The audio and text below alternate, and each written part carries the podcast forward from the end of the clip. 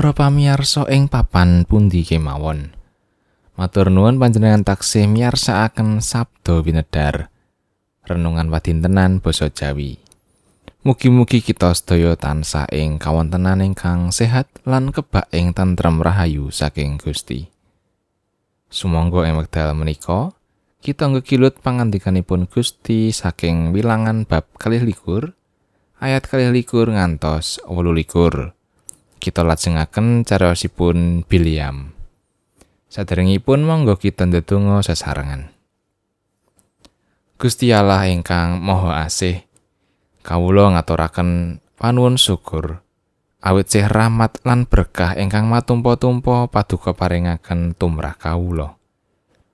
Ing wekdal ingkang mirunggan menika, manah kawula sampun sumadyo nampi sabda paduka. Monggo mugi paduka piyambak ingkang medhar sabdo. Lan kawula kasagetaken nindakaken dawuh timbalan paduka menika.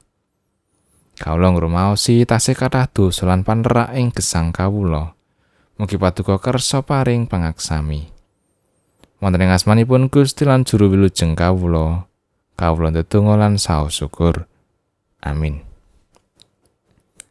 Wilangan bab kalih likur, ayat kalih likur ngantos wolu likur. Ing kono bebendune Gusti Allah mulat-mulat, margo Biliam lunga. Tumuli dicegati dening sang malaikate Pangeran Yewah kang lawan marang dheweke. Dene Biliam lagi nunggang kul dine wadon sarta kairingake dening bature loro. Nalika kul dine weruh sang malaikate Pangeran Yewah jumeneng ana ing tengah dalan, kelawan ngasta pedang ligan. Kuldine mau nuli sumingkir saka ing dalan lan lumebu ing pategalan. Biliam banjur nyabeti supaya bali menyang dalan maneh. Sang malaikate pangeran Yewa tumuli mapan jumeneng ana ing dalan kang ciut ing antarane pakebonan anggur kang kaapit-apit ing pager tembok. Bareng kuldine weruh sang malaikate pangeran Yewa banjur mepet ing pager tembok. Temah sikili Biliam nganti kejepit ing tembok. Mulane kuldine digiti maneh. Sang malaikate pangeran Yewa tumuli mundur maneh. Mapan ing panggonan kang ciut banget. Nganti ora ana papan selo kanggo nyimpang ngiwa utawa nengen. Bareng kuldine weruh sang malaikate pangeran Yewa, banjur ndeprok isih katunggangan dening Biliam. Biliam nepsu banget nganti kuldine digebuki kelawan tekene. Kuldine tumuli kabuka cangkeme dening Sang Yewah nganti bisa ngucap marang Biliam. Kelepatan kula menapa dhateng panjenengan?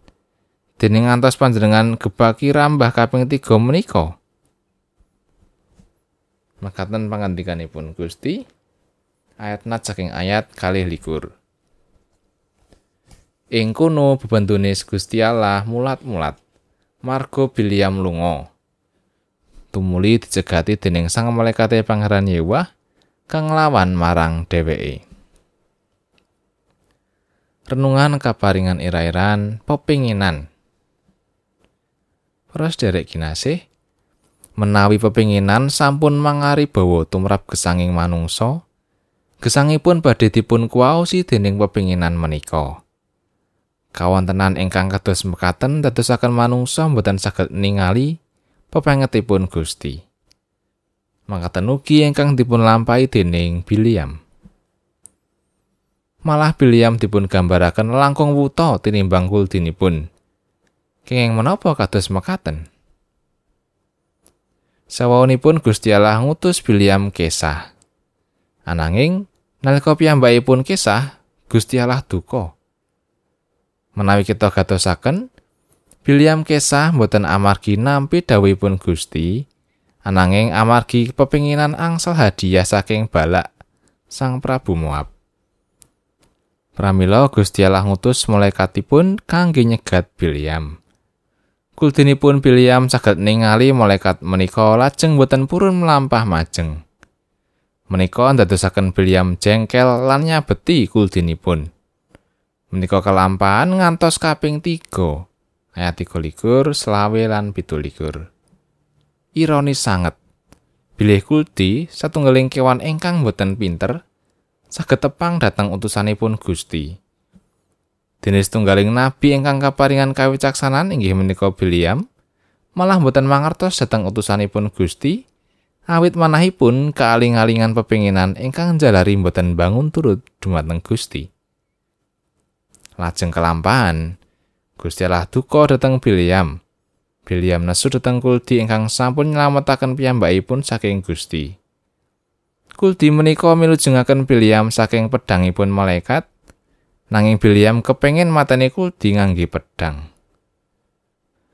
Kuldi menika saged dados gambaran bapak pun Gusti ingkang bangun turut. Peka dhateng pitedhahipun Gusti Allah, nanging dados eri tumrap sederek-sederek ingkang boten bangun turut.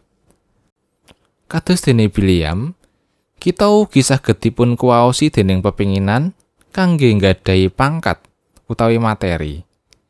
Kita kedah eling lan waspada supados pepinginan menika boten jalari manah kita wuta dhateng kersanipun Gusti. Amin.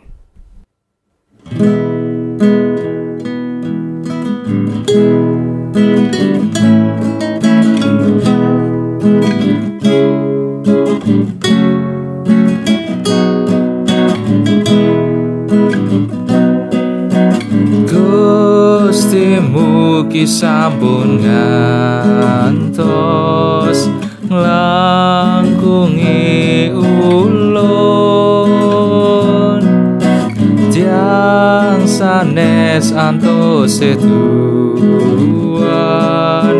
kula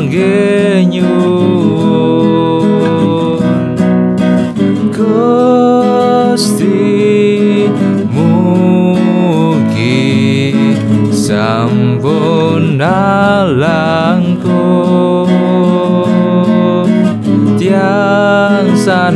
santo seduan kulong genyum